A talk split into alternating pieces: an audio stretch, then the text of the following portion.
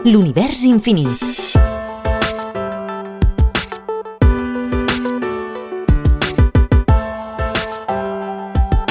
Agrupació Astronòmica de Sabadell. Mariana Draper, astrònoma i mecenes de l'astronomia.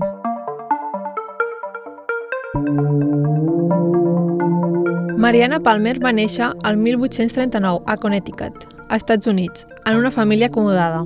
Al 1867 es va casar amb Henry Draper, metge i professor de química i fisiologia a la Universitat de Nova York. Era un gran aficionat de l'astronomia i pioner de l'astrofotografia i de l'astroscòpia. Mary es va interessar per l'astronomia gràcies al seu marit i el va ajudar en tots els seus projectes astronòmics. Durant 15 anys, amb dos van treballar junts fent observacions astronòmiques, fotografies i treball de laboratori. En aquest procés, Mary es va convertir en una tècnica experta.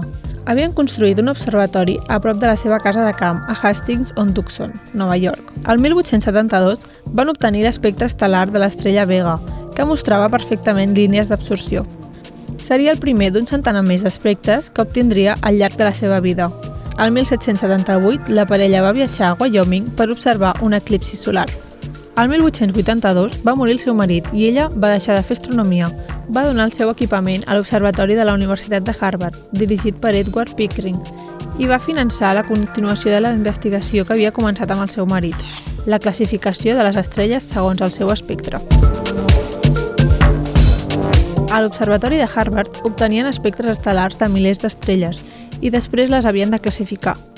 Les observacions les feien els astrònoms i ajudants, però per la tasca de classificació, Pickrick va contractar unes quantes dones, les anomenades dones calculadores de Harvard, que van classificar milers i milers d'espectres estel·lars. Entre elles van destacar Williamina Fleming, Annie Cannon, Enriqueta Leavitt i la pròpia nèbora de la Mari, Antònia Maurí. Es van convertir en tan expertes classificadores que van descobrir moltes propietats de les estrelles, Mary les visitava de tant en tant per veure com anava el projecte.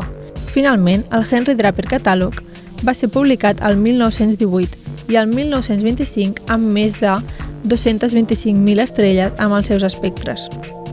Merry també va crear la medalla Henry Draper de l'Acadèmia Nacional de les Ciències dels Estats Units, un premi per a la investigació astronòmica, i també va ajudar a fundar l'Observatori de Mount Wilson.